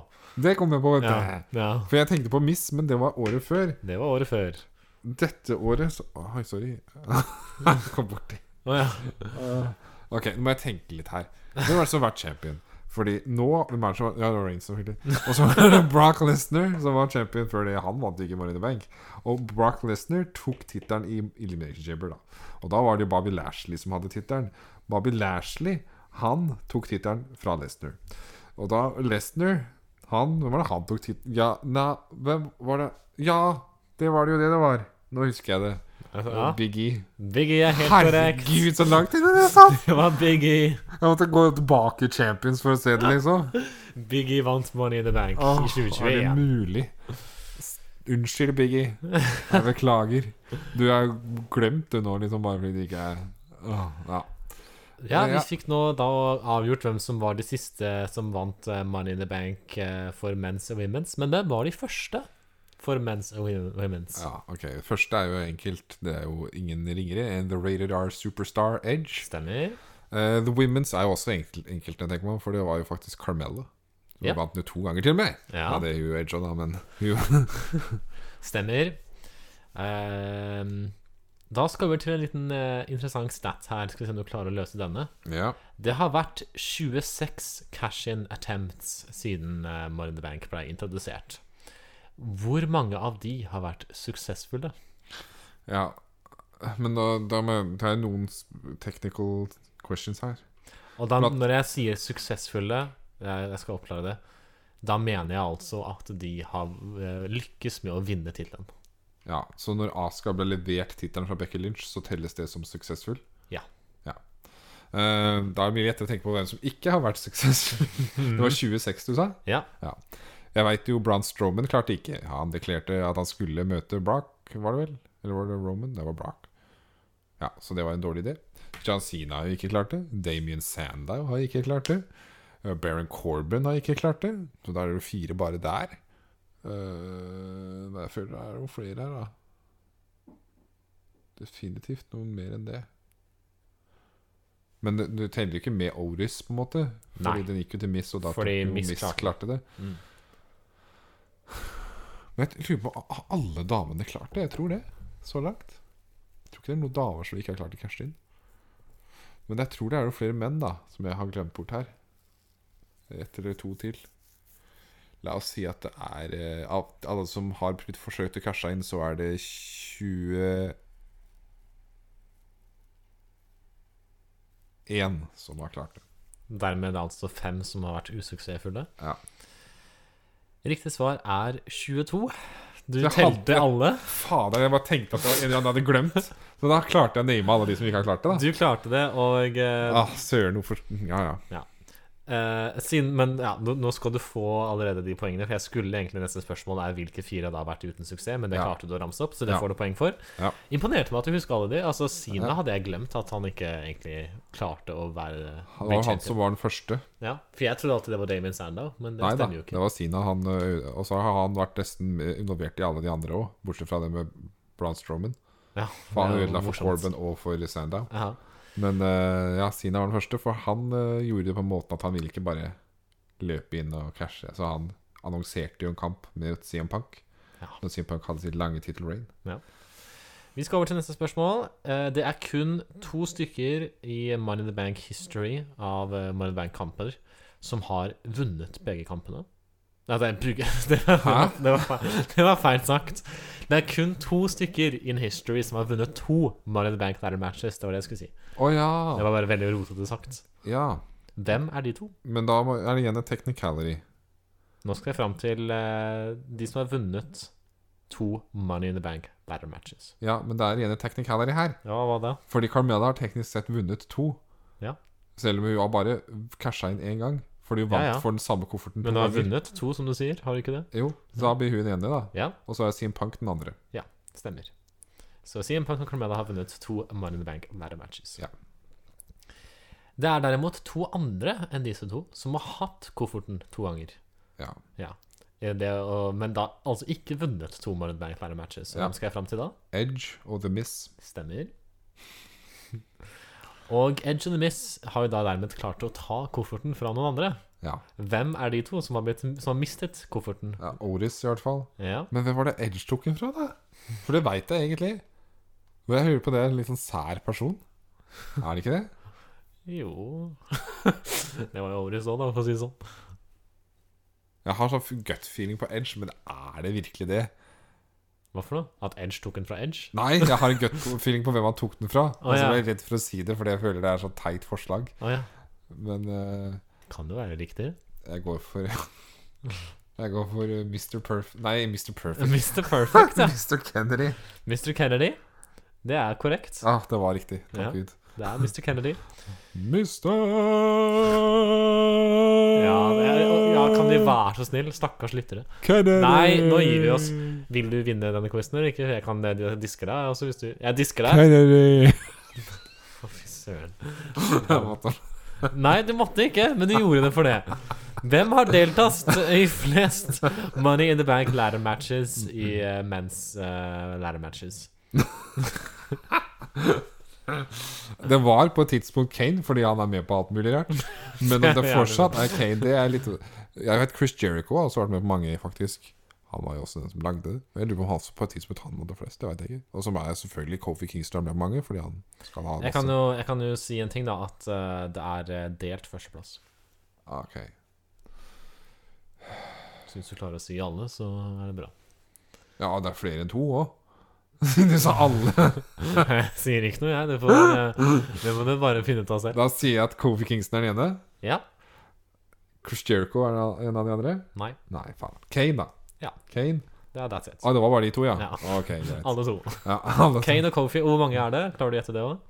Hvor mange herregud. lærermatcher de har vært med i? Nei, det er vanskelig, ja. Herregud. Uh, syv. Det er helt riktig! Det var imponerende gjort. Hvordan i all verden? Ok, og av women som har deltatt i flest women's ladder matches uh, Money in the Bank ladder matches det er også litt Det er litt tipping, det òg. Naomi. Feil. Bailey. Nei. Alexa Bliss. Nei. Nå har du prøvd for mange ganger. Da vet jeg ikke. Natalia. Ah ja, det hadde Ja, ja. Jo. Klarer du å gjette hvor mange? Tre. Nei. Fem. Fire, fire. Fem? Så hun har vært Oi. med i alle. Hun har vært med i alle, ja. Hun har vært med i alle. Damn! Det er ikke Tenk dårlig. det. Hver Men du blir nok ikke med i år, da, kanskje. Nei, det blir jo kanskje ikke, så, men det er sykt. Hun har vært med i alle Women's Ja, det er ikke dårlig. Det er god stat. Ehm, Uh, ja, vi har også interessant da eh, en delt uh, førsteplass her mellom, og det er én kvinne og én mann, som har blitt casha inn på flest ganger. Er det, li, er det like mange damer Altså den damen som har fått Ja. flest er like ganger som menn? Ja. Jeg trodde dette kom til å være soleklar seier til John Cena. Det er det Han har blitt casha inn på hele tida, syns jeg. Men John Cena er jo den ene. Da må, stemmer. andre være, da må den andre være Charlotte Flair, da. Ja. Sina og Charlotte har begge blitt casha inn på tre ganger. Hæ? Har ikke Sina blitt casha inn mer enn det? Nei. Jeg føler han har Jeg syns nesten alltid det er cash inn på liksom. han, jeg. Ja. Nei, faktisk ikke. Ja, ok. Klarer du å huske Nå skal vi komme Dette er da det siste spørsmålet. Uh, klarer du å huske hvem som deltok i den aller første Money in the Bank ladder-matchen? Eh, da både hos menn og hos kvinner. Herregud. Du skal få poeng for hver eneste du klarer å ramse opp. Så jeg- Eh, eh, Kan jeg få beskjed om hvor mange det er, da? Eller er det det kan du gjøre. Vi, kan, vi begynner med en av dem. Jeg kan vi- begynne med Women's, for den Vi kan er begynne med women's. Der er det én, to, tre, fire, fem deltakere. Ja, så det er ikke så mange. Og det er jo at Carmela vant, så hun er jo selvfølgelig ene. Ja. Og Natalia Ja. er med. Tamina mener jeg var med. ja. Uh, og så begynner det å bli verre, vet du. Ehm, ja, var hun med, da? Var Becky Lynch med? Becky Lynch var med. Åh, ok. En til nå. Eh, og den siste da Prøver jeg meg på Åh, Nei, da blir det litt verre gjetting, altså. Ja. Eh, Alexa Bliss? Nei. Naomi? Nei. Faderen. Nei, hvem er det siste, da? Det er kanskje litt overraskende. Sony DeVille. Nei Riktig Nikki svar Bella? Nei. Nei. Riktig svar er faktisk Charlotte Flair. Hun var med i den første, ja. Nå husker jeg det når du sa det. Ja. Mens på mens, da, hvor mange var det med der? Mens er det seks deltakere. Ja. Den er vanskelig. Edge vant jo. Ja, Jeg er ganske sikker på at Chris Jericho var med i den. korrekt. Eh, så etter, det begynner det Det var 2005, da. Men da begynner det med ganske mye gjetting. Shelton Benjamin. Det er riktig. Hey. Det er tre av seks. Jeff Hardy. Feil. Nei, faen. Ehm, ja, det kunne jo ha vært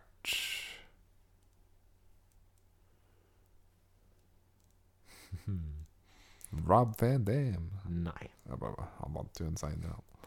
Må tenke på at uh, det er en her som var av ganske mange Money Bank-matcher som har vært med i. da Kane. Ja. Kane var med, ja. Det var fire av seks. Mm. Uh, nei Det er jo wild guess. Aner ikke. Eddie Guerrero. Nei. Eh, John Cena. Nei. Tror det, vi skal gi oss der, ja, ja. jeg tror vi må det. De to siste var Chris Benoit og Ah. Christian. Ja De gjør vi, ja. De gjør vi. Ja. Og da skal jeg telle opp her. Du fikk, skal vi se, fire, åtte, ti, tretten? Jeg må telle opp. Det er sånn det ble, dette her.